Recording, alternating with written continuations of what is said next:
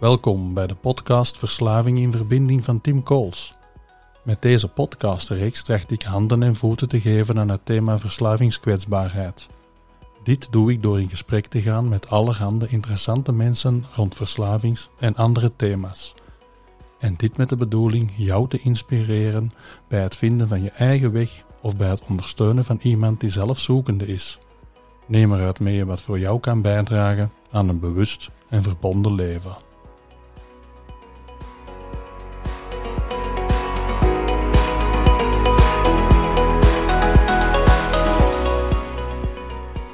Dag Annick, goedemiddag. Dag Tim. Dank dat ik hier mag zitten op een regenachtige vrijdagnamiddag.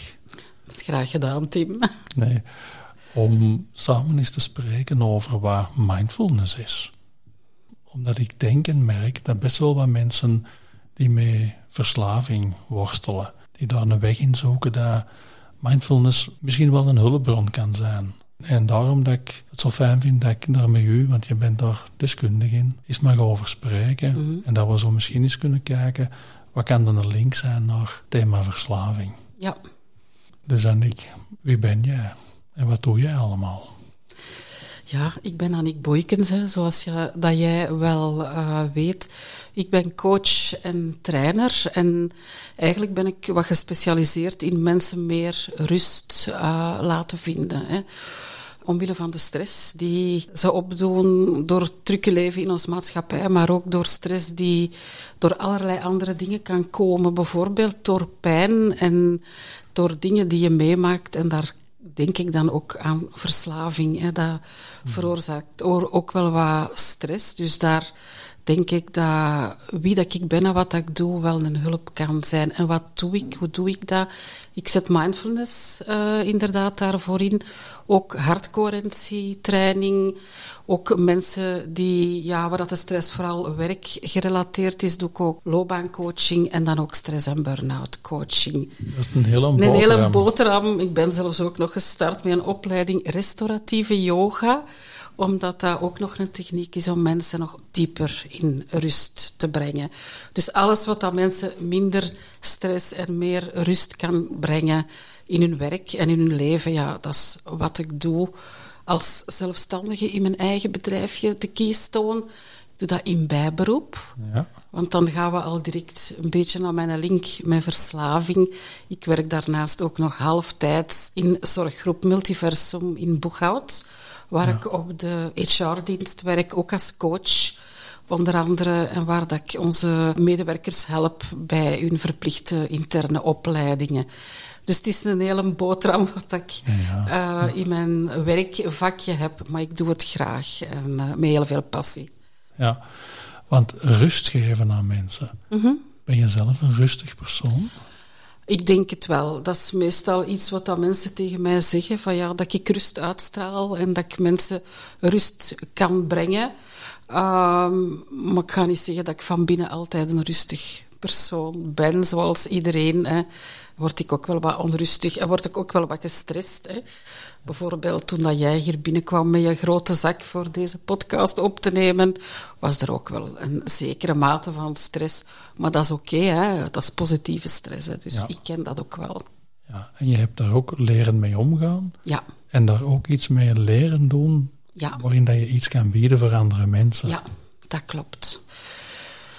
Ik heb zelf een burn-out gehad, hè, dus eh, waar dat stress eigenlijk toch ook wel een eh, uitlokkende, eh, bijdragende factor geweest is. Dus ik heb daar moeten leren mee omgaan. Hè. Dus, Motten, was Ja, moeten.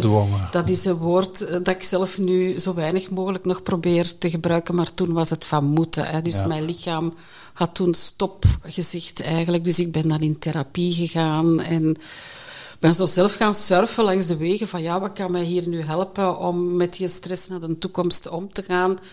En ben zo eigenlijk een beetje in die coachingsbusiness eh, gerold door opleidingen te volgen. Want ik wou dat niet zomaar doen.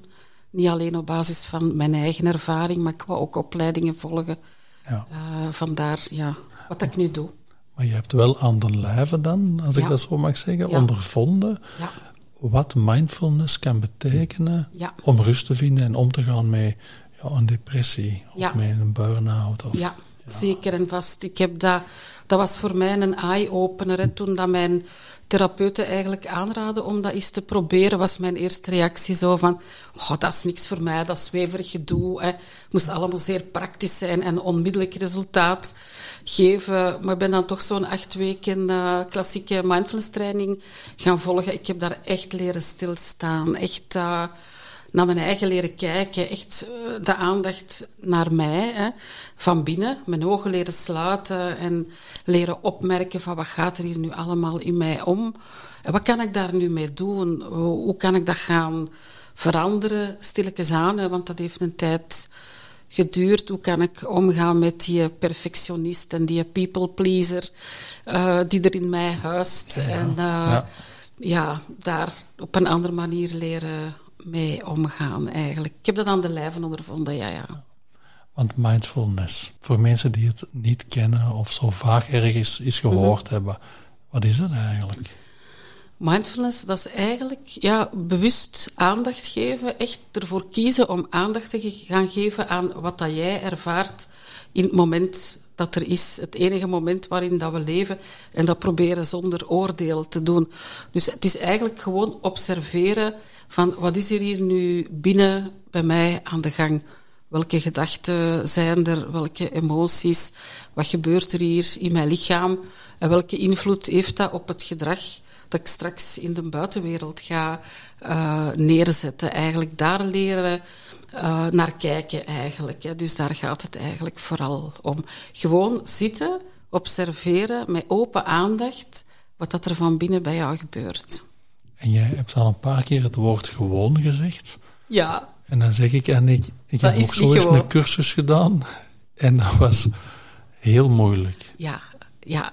zo, zo ogen sluiten. Ja. Ehm, naar binnen gaan, dat was voor mij al vreemd. Wat is dat dan, naar binnen gaan? Mhm.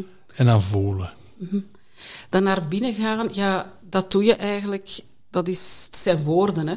Maar als je je ogen sluit, ja, dan sluit je eigenlijk alle prikkels van buiten uit. Alle geluid uh, ga je minder uh, opvangen en je gaat dingen niet meer zien. Dus die visuele prikkels vooral, die ga je uitsluiten, wat dat het gemakkelijker maakt om dingen gewoon op te merken. En als je het stil maakt en er tijd voor neemt, dan ga je, ja, je gaat een tijdje stil moeten zitten, maar dan ga je ineens opmerken van, ah, ik ben weer aan het denken. Ik ben mij weer zorgen aan het maken over iets. Waar maak ik mij nu zorgen over? Oei, en ik voel dat eigenlijk wel in mijn maag. Dat is niet zo fijn. Die maag die krimpt samen. En eigenlijk ben ik helemaal niet blij nu. En je leert zo, ja, die dingen leren opmerken. En zoals ik dat vertel, hoor je al dat dat niet makkelijk is. Hè? Daarom dat wij in mindfulness trainingen mensen daar ook in begeleiden met onze stem. Om hen aan te reiken van, kijk, dat zijn dingen die je nu kan observeren. Dat is oké, zijn die er, zijn die er niet? Want soms zeggen mensen, ja, ik voel niks, ik hoor niks, er is daar niks bij mij. Dan is dat ook oké. Dus oefenen, trainen, telkens opnieuw weer beginnen, is eigenlijk ja, de basis van, van mindfulness ook wel. Wel, het echt trainen. en niet denken van ik ga dat direct allemaal Maar, maar, kunnen of voelen. Nee, nee het, het consequent proberen te doen en zo leren voelen. Ja, dat, dat klopt. Mindfulness is geen quick fix, dus zeker en vast uh, niet. Het is een, een, een, training eigenlijk. Het is een, een gewoonte die je, een techniek, een manier van in het leven te staan die je kan trainen eigenlijk. Daarom dat we ook acht weken trainingen voorzien. Hè, omdat ze zeggen van ja, op acht weken kan je bepaalde gewoontes wel gaan veranderen. Maar dat heeft tijd nodig. We vragen aan de mensen ook om alle dagen te oefenen, Tim. Dus er komt wel een zeer groot engagement kijken bij uh, mindfulness willen leren. Hè. Dat is niet alleen nu een boek lezen, ja, dat is ook oefenen. Zoals dat piano spelen, niet alleen naar een partituur kijken is, maar ook heel veel oefenen, is dat met mindfulness ook zo. Ja. Het is niet iets dat je gewoon op één uurtje kan leren. Nee. Want dan kan ik me voorstellen dat dat ook wel wat weerstand geeft bij mensen. Mhm. Om ja, iets tegen te komen van binnen, mhm. dat ze liever niet tegenkomen. Mhm. Want daar gaat het ook over. Hè? Vanaf het moment dat je je ogen toedoet en, en, en gaat verbinden met wat er dan van binnen is, ja, daar zitten soms ook dingen waar dat we in getraind zijn om altijd weer op een manier van weg te gaan. Een copingsysteem, zoals dat soms in verdovingsgedrag of in verslavingsgedrag ook wel wat zit, eigenlijk. Mhm. Dat is zeker, weerstand is iets wat uh, in die uh, mindfulness sessies zeker voor, voorkomt. En dan vraag ik ook mensen om daar gaan naar te kijken, van wat gebeurt er nu eigenlijk met jou, van die weerstand, waar merk je dat op, hoe merk je dat op, wat gebeurt er, van daar leren naar te kijken en dat opent wel dingen voor mensen. Als ze van, bij zichzelf kunnen vaststellen dat er weerstand is, dan uh, ja, komen er vaak wel herinneringen uh, ook ja. boven aan waarom dat ze die, weer, die weerstand hebben. En vaak is dat een weerstand die niet alleen ontstaan is tijdens die mindfulness training, maar iets waar dat ze al lang tegen aan het vechten, vechten zijn vaak. Hè. Ja. Dat gebeurt inderdaad. En daar dan de moed voelen ja. om er dan iets anders ah, mee te doen ja. van er, dan ervan weg te gaan. Ja, dat klopt. Dat klopt. Maar het is zo zwaar en ik, ik kan deze niet dragen. Mm -hmm. Wat er nu gebeurt bij mij van binnen. Niet mm -hmm. nu letterlijk, maar ik speel even hè, mm -hmm. alsof iemand die voelt van deze gaat niet voor mij. Wat kan iemand dan misschien doen? Um, iemand die zegt van ja, het is nu zwaar, ja, dan probeer ik die zwaarte wel een beetje weg te nemen door te vragen van ja, ga nu gewoon eens met je aandacht naar je voeten, bijvoorbeeld. Hè, van, uh, ga, zet je voeten eens op de grond en voel eens uh, hoe dat je voeten contact maken uh, met de grond en in je schoenen en pakt even een pauze. Hè. Dus je hoeft dan niet in die oefening verder mee te gaan. Dan nemen we even een pauze. Maar ik vraag dan ook van, ja, kijk, wat dat daar nu bij u is, die zwaarte, dat is oké okay dat dat daar is. En dat gaat ook voorbij gaan. Dat hoort eigenlijk bij het leven. Hè. Dat is het uh, surfen op de golven van op en neer. En ja. ja. de ene keer is het aangenaam, de andere keer is het onaangenaam. En het kan ook neutraal zijn. Dat zijn allemaal stemmingen, gemoedstoestanden die eigenlijk horen bij, bij het leven. En maar als ik zou merken dat iemand echt ineens in een diep zit, dan is mijn eerste reactie altijd van ga even naar uw lichaam. Probeer te voelen en als ze al verder zitten, maak even contact met je ademhaling. Maar ook dat is iets wat dat mensen moeten leren natuurlijk. Ja. Wat mensen voelen op zo'n moment, ja. Hm. Maar mindfulness heeft ook niet de bedoeling om altijd in dat voelen te moeten blijven, denk ik. Mm -hmm. nee. Het gaat eerder over, we mogen voelen, we ja. mogen denken wat we denken. Ja. We hebben daar geen oordeel rond, dat is mm -hmm. allemaal oké. Okay. Mm -hmm. Maar we moeten er ook niet blijven in zitten. Nee. We mogen het aanraken en dan gaan we weer proberen iets anders te doen. Ja, dat klopt. Dat klopt. Soms als mensen al verder zijn in de training, dan gaan we wel proberen om er echt even bij te blijven.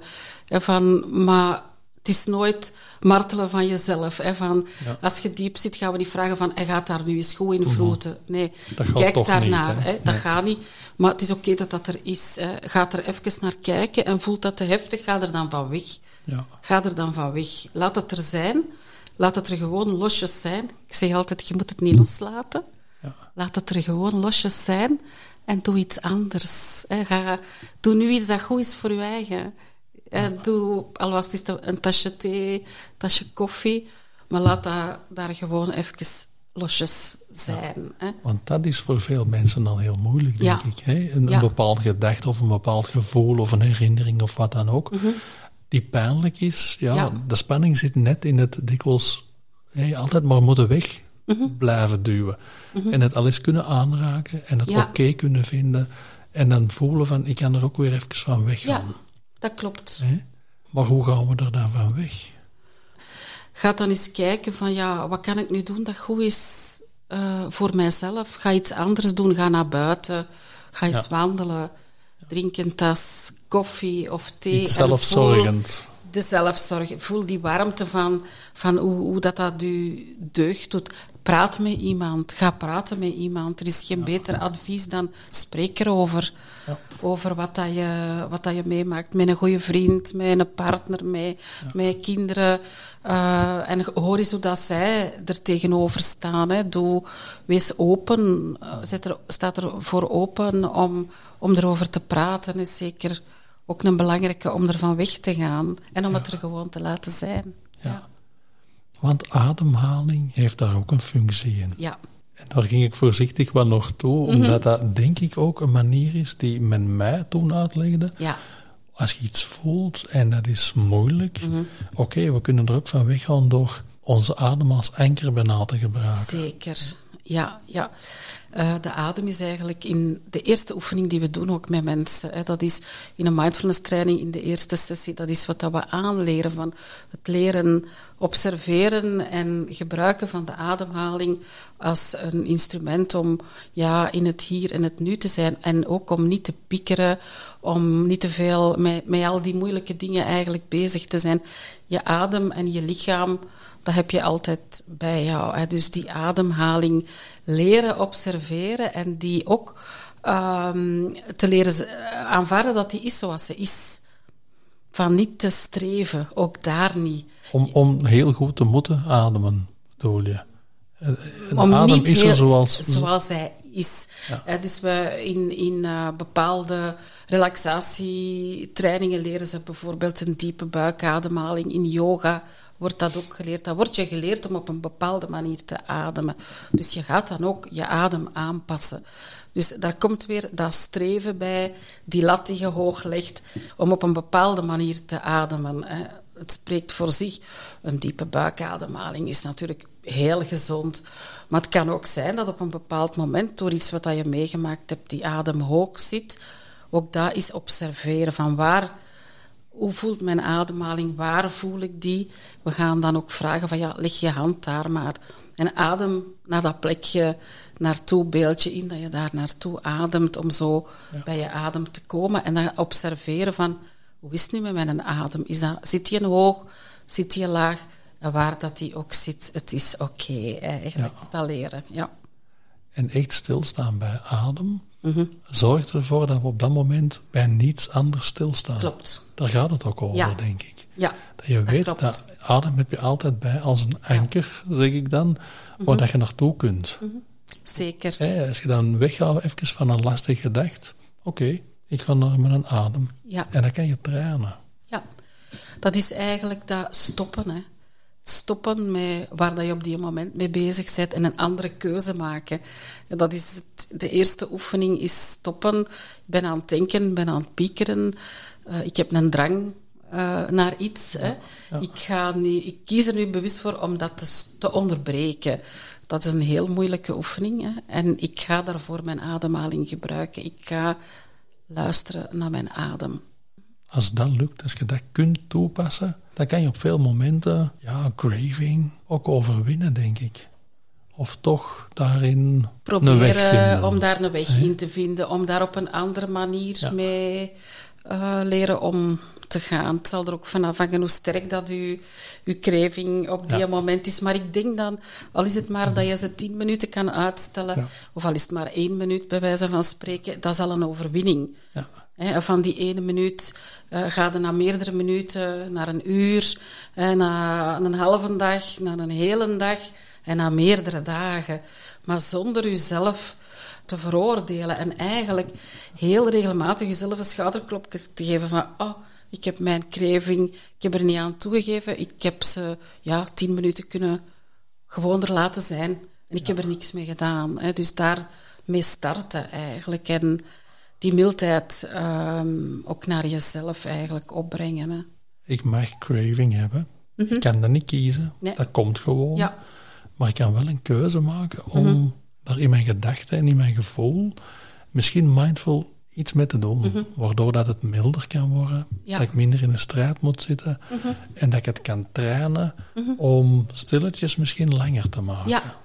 Zo Ja. hoor ik het u zeggen, hè. Ja, wel, dat is iets wat ik misschien ook wel allee, persoonlijk wel eh, wil delen. Een eh, viertal jaar geleden heb ik omwille van medicatie die ik moet, moet nemen, eh, ben ik eigenlijk ook gestopt met alcohol drinken. Eh, als mindfulness trainer dacht ik van, oh ja, ik moet dat eigenlijk wel kunnen. En ik heb dat eigenlijk op net dezelfde manier aangepakt, niet door mijzelf een... uh, op te leggen van ik moet nu volledig stoppen met alcohol uh, drinken. Maar om dat van moment tot moment, van uur tot uur en van dag tot dag gewoon te zien wat lukt mij nu. Hoe lang kan ik uh, die, die goesting daarin eventueel uitstellen. En dat gewoon van dag tot dag eigenlijk bekeken. En op het einde van de avond, oh, de dag is al voorbij. En ik zeg ook niet dat ik nooit nog één glas alcohol ga drinken. Dat is iets wat je mij niet zal horen zeggen, maar ik ben gewoon content met mijn leven, hoe dat nu is, zonder uh, alcohol. En ik ben heel trots op mijzelf. Ja, dat ik daar totaal geen behoefte uh, niet meer aan heb, eigenlijk. En het is door combinatie met medicatie eigenlijk dat ik het heb uh, gelaten. Maar dat heeft mij zoveel, ja, zoveel gebracht, eigenlijk. Ja, dat kan ik me voorstellen. Leven zonder alcohol heeft heel veel voordelen. Mhm. Zeker en vast, ja. En hoe dat ik u hoor zeggen dat, ja, dat geen strijd hoefde te zijn, nee. hè, maar dat het een onderzoek was. Ja. Een zelfonderzoek dat op elk moment ja. ja. dat er misschien de prikkel was om iets te willen drinken, mhm. dat je daar best stil stond, dat je mhm. daar ja, over nadacht, dat je dat mocht voelen zonder dat weg te duwen, maar dan ook weer een keuze maken om dat even iets anders mee te doen. Ja, en zo tijd gewonnen. Zeker. Dat is eigenlijk het proces dat ik daarmee uh, gegaan ben en hoe dat ik dat zelf ook wou aanpakken en, en, en ervaren heb, dat dat voor mij, ja, want dat heeft voor mij gewerkt, dat is persoonlijk natuurlijk, hè, maar dat dat wel een, een, eh, een goede manier is om daarmee om te gaan. Ja. Van waar komt dan eigenlijk mindfulness? Want veel mensen hebben daar een, een zweverig beeld van. En, en het is gewoon om dat zo eens even te kaderen van waar dat, dat juist komt. Ik denk dat dat vooral ook komt omdat mindfulness wordt vaak gelijkgetrokken met meditatie. Hè? En meditatie, ja, we kennen dat allemaal. Hè? Dat wordt, uh, daar worden direct beelden van boeddhistische monniken hè, die helder dagen bijna zitten te zweven in kleermakers zit uh, bij gedacht. Dus die connectie, ja, daardoor komt het eigenlijk nogal, nogal zweverig over het stukje van de oefeningen, de meditatieoefeningen die in een mindfulness training zitten, komt ook vanuit die uh, meditatietraditie, vanuit uh, het boeddhisme, vanuit Azië. Maar mindfulness zoals wij ze nu kennen, dus de klassieke acht weken training, die is eigenlijk ontstaan in Amerika. Dat was een uh, prof geneeskunde, John Kabat-Zinn, die eigenlijk um, werkte in een ziekenhuis met chronische pijnpatiënten die uitbehandeld waren. Dat was in de jaren zeventig, dat was de hippie-tijd. Iedereen ging naar uh, India en hij had dat ook gedaan, was daar in, aanmerking, in aanraking gekomen met meditatie. En hij dacht van, ja, ik ga dat proberen op mijn uh, uitbehandelde patiënten en zien of dat, dat de stress van de pijn eigenlijk uh, kan verzachten. En dat werkte bij een heel aantal van hen. En hij is dan begonnen met een training eigenlijk uit te schrijven, ook in samenwerking met Mark Williams, een prof van de Universiteit van Oxford, die dan het stukje cognitieve uh, therapie en psychologie ermee ingebracht heeft. Want mindfulness training is meer dan, dus dan meditatie. Alleen het is gebaseerd op de positieve psychologie en de cognitieve uh, gedragstherapie uh, eigenlijk. Hè. En ja, die meditatie, dat hoort er voor een stukje bij. Maar het is vooral ook uh, je gedrag leren op een andere manier, ja, je, je gedrag te leren aanpassen. En het vooral in het dagelijks leven ook proberen te gebruiken. Hè. Ja, want daar denken, denk ik veel mensen van, en ik vroeger ook, mm -hmm. van oké, okay, nu moet ik een uur vrijzetten in mijn agenda, mm -hmm. Om dan in een speciale sofa te gaan liggen mm -hmm. en dan bij mezelf te zijn. Terwijl we kunnen mindful in de auto zitten, denk ik, onder de douche staan. Ja. En zo, op momenten dat dingen ons overvallen, in het dagelijks leven daar mindful mee omgaan, ja. ik? Ja, dat is wat dat mindfulness is. Hè. Dat is inderdaad ja, mindful omgaan met leven, met alles wat dat er in ons leven uh, uh, op ons afkomt en het gebruiken in het dagelijks leven. Als je de afwas aan het doen bent, niet al beginnen denken aan de tv-serie waar dat je straks uh, gaat naar kijken, maar ook genieten van het voelen van dat warm water aan je handen, uh, het kijken naar hoe dat je die borden proper maakt als je tenminste zelf nog afwast. Maar er is altijd wel afwas dat niet in de afwasmachine moet, dus dat je zelf moet doen. maar dan zit je vaak al te denken aan... Al, je ziet dat als een onaangename taak, omdat je eigenlijk dat als tijdverlies voor een stukje beschouwt. Dus probeer ook daar van aandacht te geven aan de, handelingen die je stelt op die moment. En let ook even op je ademhaling terwijl je aan het afwassen bent, bijvoorbeeld. Maak daar gebruik van. Hè. Om echt in het moment te Om kunnen echt zijn. in het moment te kunnen zijn. En ook die dingen die je als onaangenaam vroeger eigenlijk zou bekeken hebben, om ook te leren van daar op een andere manier naar te kijken en daardoor die taak misschien met iets meer goesting te gaan doen. Hè. Dat is zo, hè. als we kijken naar wat er gaat komen, Mm. dan maken we ons er dikwijls meer zorgen om dan, dan wat het uiteindelijk dan ook is. Mhm. En rationeel weten we dat allemaal, maar daar dan zo mee omgaan dat we dat ook wat daar kunnen laten liggen en nu kunnen leven, is zo mooi als ons Mhm. Ja. dat lukt. Hè. Ja. Dat is ook een van de dingen die mindfulness mij vooral bijgebracht heeft. Dat is ja, meer genieten van kleine dingen in het leven, van alles wat ik heb, wat ik ben, daar content mee zijn, daar tevreden mee zijn en daar echt leren van genieten van elke dag, van het moment dat ik mijn ogen open doe tot als ik ze terug dicht doe, eh, dat ik in dat zacht bed mag duiken, eh, dat mijn man naast mij ligt, eh, dat ik een van die geprivilegeerde mensen ben die een partner heeft naast zich bijvoorbeeld alle dagen, elke Ja. morgen, elke avond. Vandaar meer te leren van genieten eigenlijk en minder eh, constant bezig te zijn met een toekomst en het verleden. En van, had ik maar iets anders gedaan of hoe ga ik dat nu gaan aanpakken? Want dat is wat dat wij mensen vooral doen. Hè. We willen onze glazen bol, we willen weten van wat gaat er gebeuren. Of we zitten te herkauwen hè, wat dat er Ja. gebeurd is. Hè. Dus waardoor dat we niet genieten van wat, wat dat er op deze moment met ons eigenlijk gebeurt. Hè. En op die twee dingen die niet in het nu zijn, Mhm. van vroeger en wat nog komt, daar hebben we eigenlijk geen invloed niet meer Nee. op. Sommige dingen kunnen we wel herstellen, zodat we een aandeel in hebben. Dat is iets anders, denk Ja. ik. Dat is ook belangrijk. Maar ja. Mhm. het gaat over in het nu leren staan en observeren wat ons ja, altijd opnieuw katapulteert naar het verleden of naar de toekomst en daar dan iets mild, aanvaardends, maar ook een keuze kunnen in maken. Ja, zeker. Ja, daar gaat het eigenlijk om. Dat klopt in. Je legt dat heel mooi uit, Mhm. ik. Fijn. De cursus wordt nog eens even opgerakeld. Ja, Want ik moet zeggen, het zat even ver weg. oké. Maar, maar ik vind het de moeite waard om het te trainen en ermee bezig te zijn. Ja. Want de mensen die je kent die er bewust mee bezig zijn, je merkt dat ook in, in de rust dat ze uitstralen. Mhm. Zo. En dan zo de vertaalslag naar verslaving is natuurlijk iets waar ik heel hard op, op geboeid ben. Ja, ja, ja, dat is nu niet echt eh, direct mijn eigen eh, vakgebied. Ik heb wel al mensen in mijn training eh, gehad eh, die behandeld werden voor een, een verslaving en waar de therapeuten aangeraden hadden om mindfulness te volgen en die daar inderdaad wel veel aan gehad hebben. Hè. Vooral ja, dat leren stilstaan en kijken naar jezelf. Hè. Ik blijf het herhalen.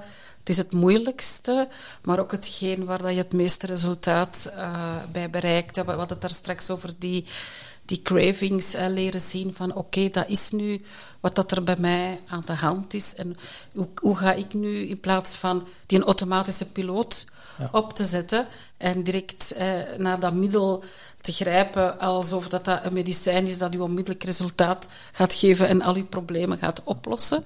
En daar even naar kijken van ehm, wat gebeurt er hier nu bij mij en hoe kan ik met al die dingen op een andere manier, kan ik een andere keuze maken. De sleutel bij mindfulness is de keuze, het keuzemoment, het stoppen en dan een andere keuze leren maken. Daar oefenen we eigenlijk al die weken op. Het gedacht, het gedacht voelen en dan kunnen stoppen. Ja. Ja. Om dan een andere keuze te maken. ja. Naar ademhaling gaan, Ja. denk ik. Ja. Maar ook andere dingen misschien. Eh, ja, zoals ik daarnet zei, van je, kan, je kan ook wat beweging eh, gaan doen. Hè, want dat hoort ook in een, bij een mindfulness training. Yoga, wat staande oefeningen. Je kunt gewoon eens rond die tafel wandelen eh, als je wilt. Alles hè. wat anders, anders kan zijn. kan dan- zijn. En ja. bij voorkeur dingen waarbij dat je je lichaam eigenlijk Ah, ja, gaat ja. gebruiken. Veel problemen spelen zich in ons hoofd af. Hè. Dat is ook een beetje het verkeerde beeld van mindfulness dat mensen hebben. Is, dat gaat allemaal over de mind.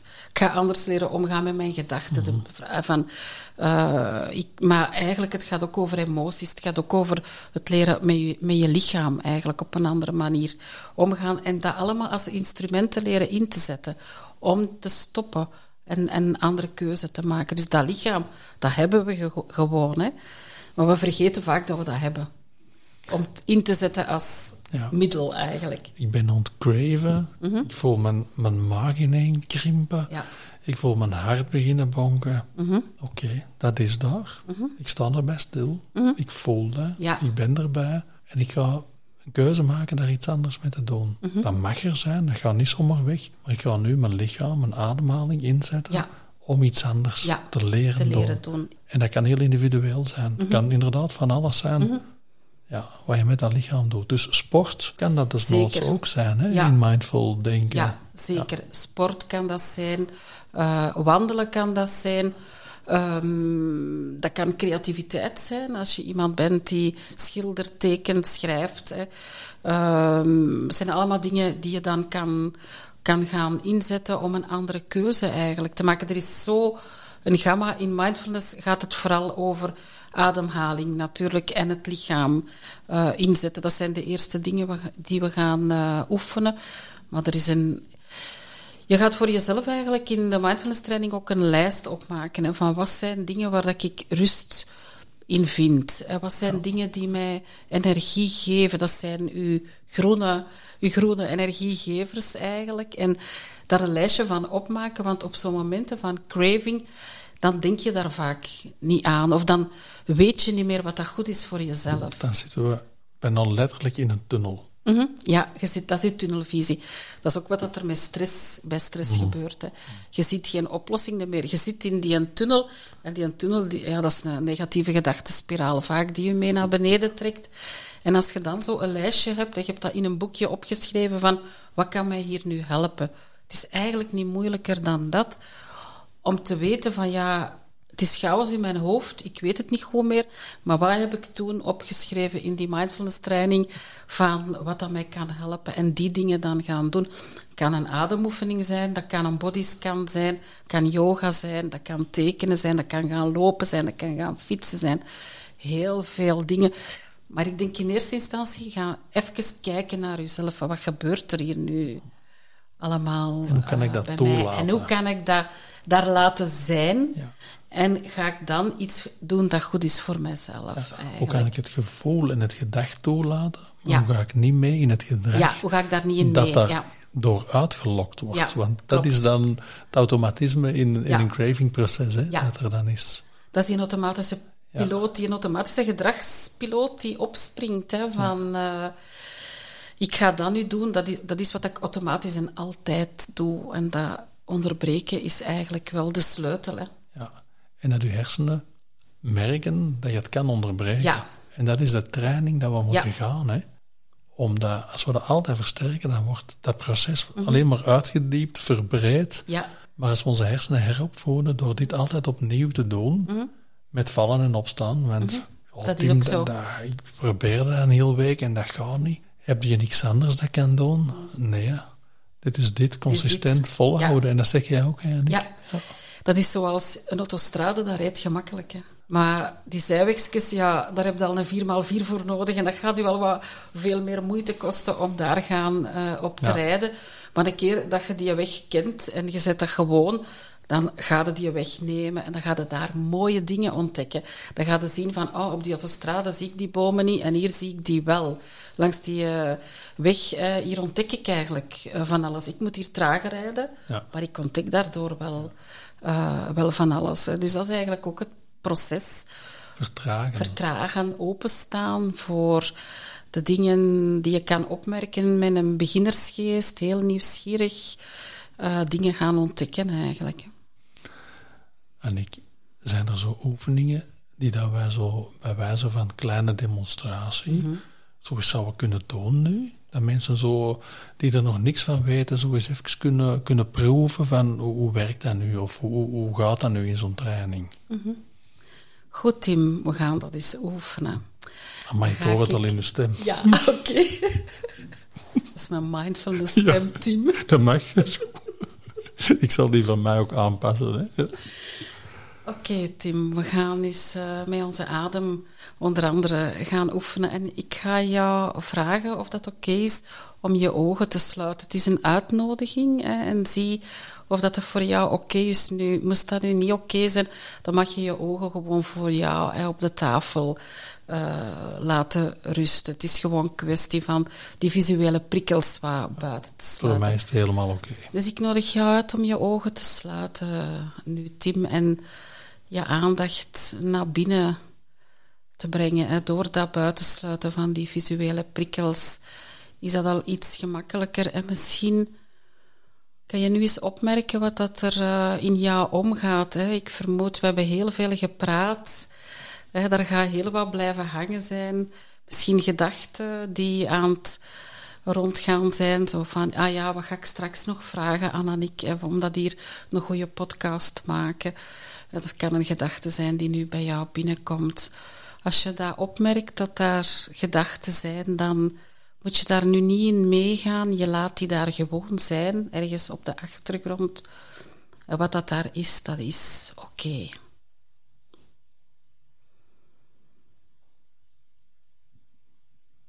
En als je hier zo met je aandacht naar binnen zit, dan ga je misschien ook bepaalde emoties opmerken. Misschien ben je content van wat we tot nu toe uh, gedaan hebben. Eh, kan je daar iets van emoties, gevoelens opmerken? Als dat het geval is bij jou, dan is dat ook oké. Je hoeft daar nu niks mee te doen. Je merkt dat gewoon op en je laat dat daar zijn.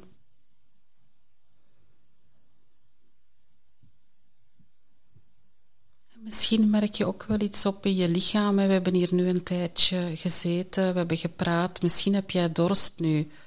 Dat is ook iets dat je nu in je lichaam kan opmerken. Of misschien is er een beetje honger of wat spanningen in bepaalde spieren.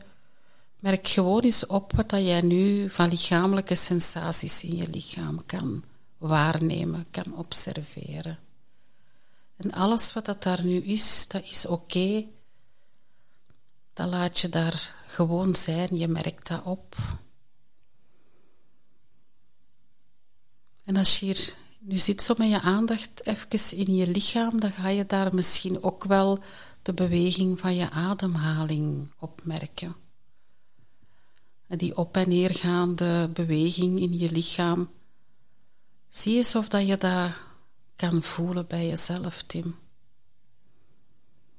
Hoe is het nu met je adem? En waar kan jij die in je lichaam nu voelen? En je kan eventueel zo eens dieper in en uitademen om dat beter te voelen, die beweging. En dat is zo die beweging van je, bijna van je lichaam dat groter wordt en terug inkrimpt bij het in- en bij het uitademen. En waar dat jij je adem nu voelt, dat kan ter hoogte van je borst of je buik zijn. Dat is oké. Gewoon die beweging voelen is eigenlijk voldoende. En je blijft bij, met je aandacht bij je in- en je uitademing. Dus terwijl dat daar op de achtergrond gedachten, emoties, dingen in je lichaam zijn, ga jij als het ware met een schijnwerper je aandacht op je ademhaling richten. En je laat die gewoon zichzelf ademen. Je moet die nu niet veranderen, niks forceren, je hoeft niks te bereiken. Gewoon je adem zijn natuurlijke gang laten gaan.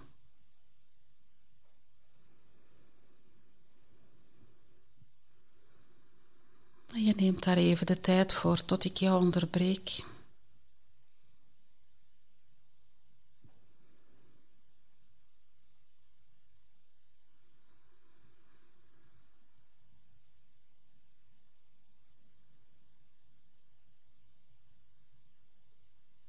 En dan je jezelf nu proficiat wensen voor die paar minuten aandacht binnenin jezelf, dat je daar tijd voor genomen hebt. als het voor jou oké is, Tim, mag je je ogen terug openen. Dan ben ik wel benieuwd naar jouw ervaring met deze oefening. Ja, Ik vond het boeiend.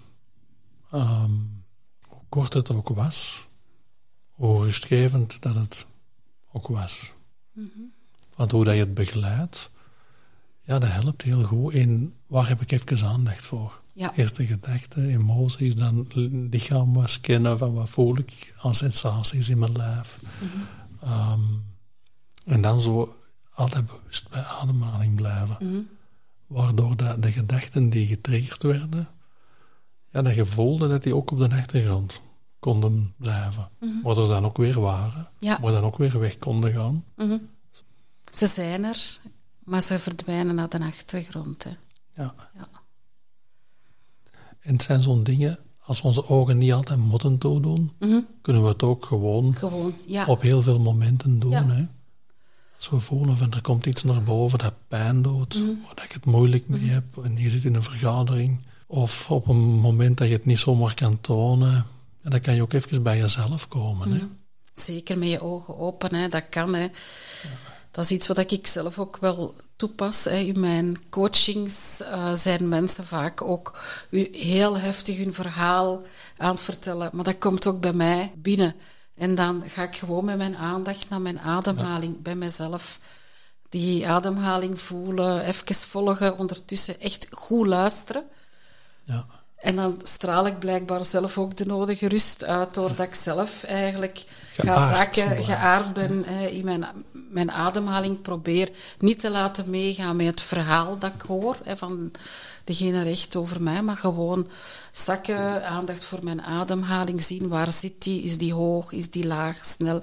En dan luisteren, dat helpt wel, eh, ook voor mij. Ja. Dus dat is iets, ik doe dat op het toilet, op het werk. Ik trek mij vaak terug op het toilet om dan even te ademen. En eh, ja, dat kan je. Ik kan het overal doen, in de kassa, in de supermarkt. Overal waar je even tijd hebt om te wachten. In de auto, maar dan zou ik zeker aanraden om de ogen open te houden. Ja, hè. Dus kan je bij het rode licht, als je stopt, eh, ook je ademhaling even scannen. Hè. Het is een mooi alternatief op het automatisme om Ja. onze telefoon te pakken, Ja. denk ik. Ook. Dat is een automatisme, hè? Zeker en vast. Dat is ook een oefening die ik zelf eh, eigenlijk altijd doe als mijn telefoon gaat. Ik adem altijd één keer in en uit voordat ik antwoord. Eh, dus dat is iets dat zo in mijn leven vastzit. Dat is mijn ene ademhaling, rustmomentje eigenlijk. Hè. Als de telefoon gaat, even in en uitademen en dan pas eh, reageren. Dus dat is ook al een tip die ik meegeef. Kan ik eens proberen. Hm. Want zo, zo, inderdaad, zoals dat je zegt, in gesprekken of in, of in soms moeilijke situaties, Ja. als er spanning komt in Ja. een discussie of, of in een relatie, Ja. dan kan je daar ook wel wat mee doen. Hè? Daar had ik zo ook nog niet over nagedacht. het is niet alleen een relatie met jezelf. Nee, nee, ook in relatie ook- met de anderen. ja. Ja. dat is de volgende stap natuurlijk. In mindfulness, de eerste sessies, we gaan altijd naar binnen, maar dan gaan we ook naar buiten. We doen ook oefeningen rond communicatie, van hoe kan ik mindful communiceren, hoe kan ik eh, ja, met veel aandacht luisteren ook en met aandacht spreken eigenlijk. Dus de volgende stap is natuurlijk, we leven niet in onze kokon, binnen in ons, leven in de wereld, van hoe kan ik naar de anderen toe eigenlijk ook eh, aandachtig zijn en mindful zijn. Met aandacht luisteren en met aandacht spreken. Dat is zo mooi gezegd, Ja, vind ik. Aandacht gaat dan over wat er is op dat moment. ja, wat we bij ons voelen, maar wat we ook zien gebeuren bij de anderen. Daar aandacht Ja. voor hebben en dat er ook mogen laten zijn. ja. Maar er ook geaard bij jezelf een weg in kunnen vinden. Ja, zeker. Wat dat wij in het spreken ook wel vaak doen, dat is al bezig zijn met het volgende wat dat we gaan zeggen. Hè. Terwijl dat we in een gesprek zijn, we zijn aan het luisteren. Maar eigenlijk zijn we al bezig met ons eigen antwoord te formuleren, waardoor dat we de helft niet gehoord hebben. Dus dat is ook een oefening die we in de mindfulness training doen, van leren luisteren Ja. naar mensen, daar tijd voor maken. En dat is iets als je al langer in hulpverlening staat, Mhm. waar je stilaan wel leert Ja, van niet bezig te moeten zijn met de volgende vraag Mhm. eventueel, maar er echt een, een aandachtig wederzijds gesprek van te kunnen Mhm. maken. klopt. Want anders dan ben je los en, en ben je niet aangesloten met iemand waar je mee spreekt. En er ook op vertrouwen dat je wel zal weten wat dat je moet zeggen. En dat je kwaad kan dat er af en toe eens in stilte valt. Hè, dat je tijd neemt om na te denken, even naar binnen gaan en voelen hoe is het hier nu met mij en wat wil ik nu zeggen. waar, waar zit het wat ik wil zeggen en waar komt het vandaan? En ook daar aandacht uh, aan geven. Hè. En zo stimuleer je de anderen ook, ja. denk ik, om hetzelfde te doen. Hè? Klopt. Ja. En ik, we hebben al heel veel waardevolle dingen gezegd. Ik ben hier al in een rusttoestand gezet. Oké. Zijn er zo'n dingen waar je van zegt, dat wil ik zeker nog gezegd hebben als het over mindfulness gaat?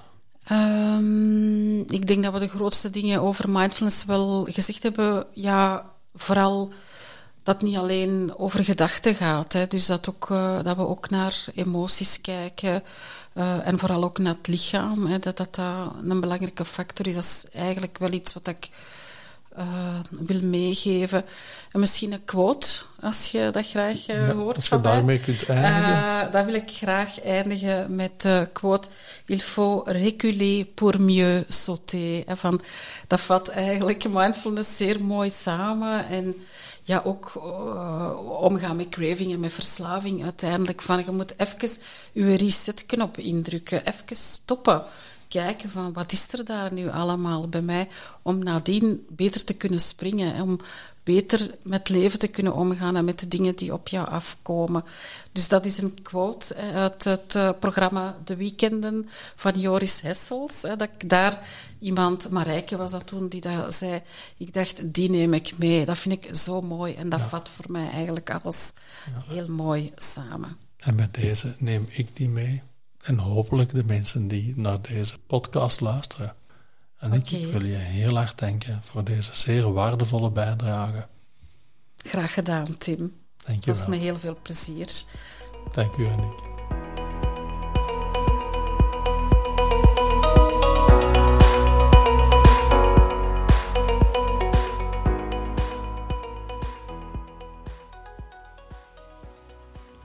Ik heb alvast nog eens mogen proeven wat mindfulness kan bijdragen in het trainen van innerlijke rust. Ik ervaar het als een heel toegankelijke manier om in het dagelijks leven te luisteren naar wat er binnenin gebeurt, om van daaruit bewustere keuzes te kunnen maken. Heb je meer interesse? Surf dan eens naar de website van Annick www.thekeystone.be. Als jij na het luisteren van deze podcast zelf ideeën hebt die kunnen bijdragen aan deze reeks, dan kan je me mailen op verslavinginverbinding.telenet.be. En zo gaan we samen naar betere zorg voor mensen die worstelen met deze kwetsbaarheid.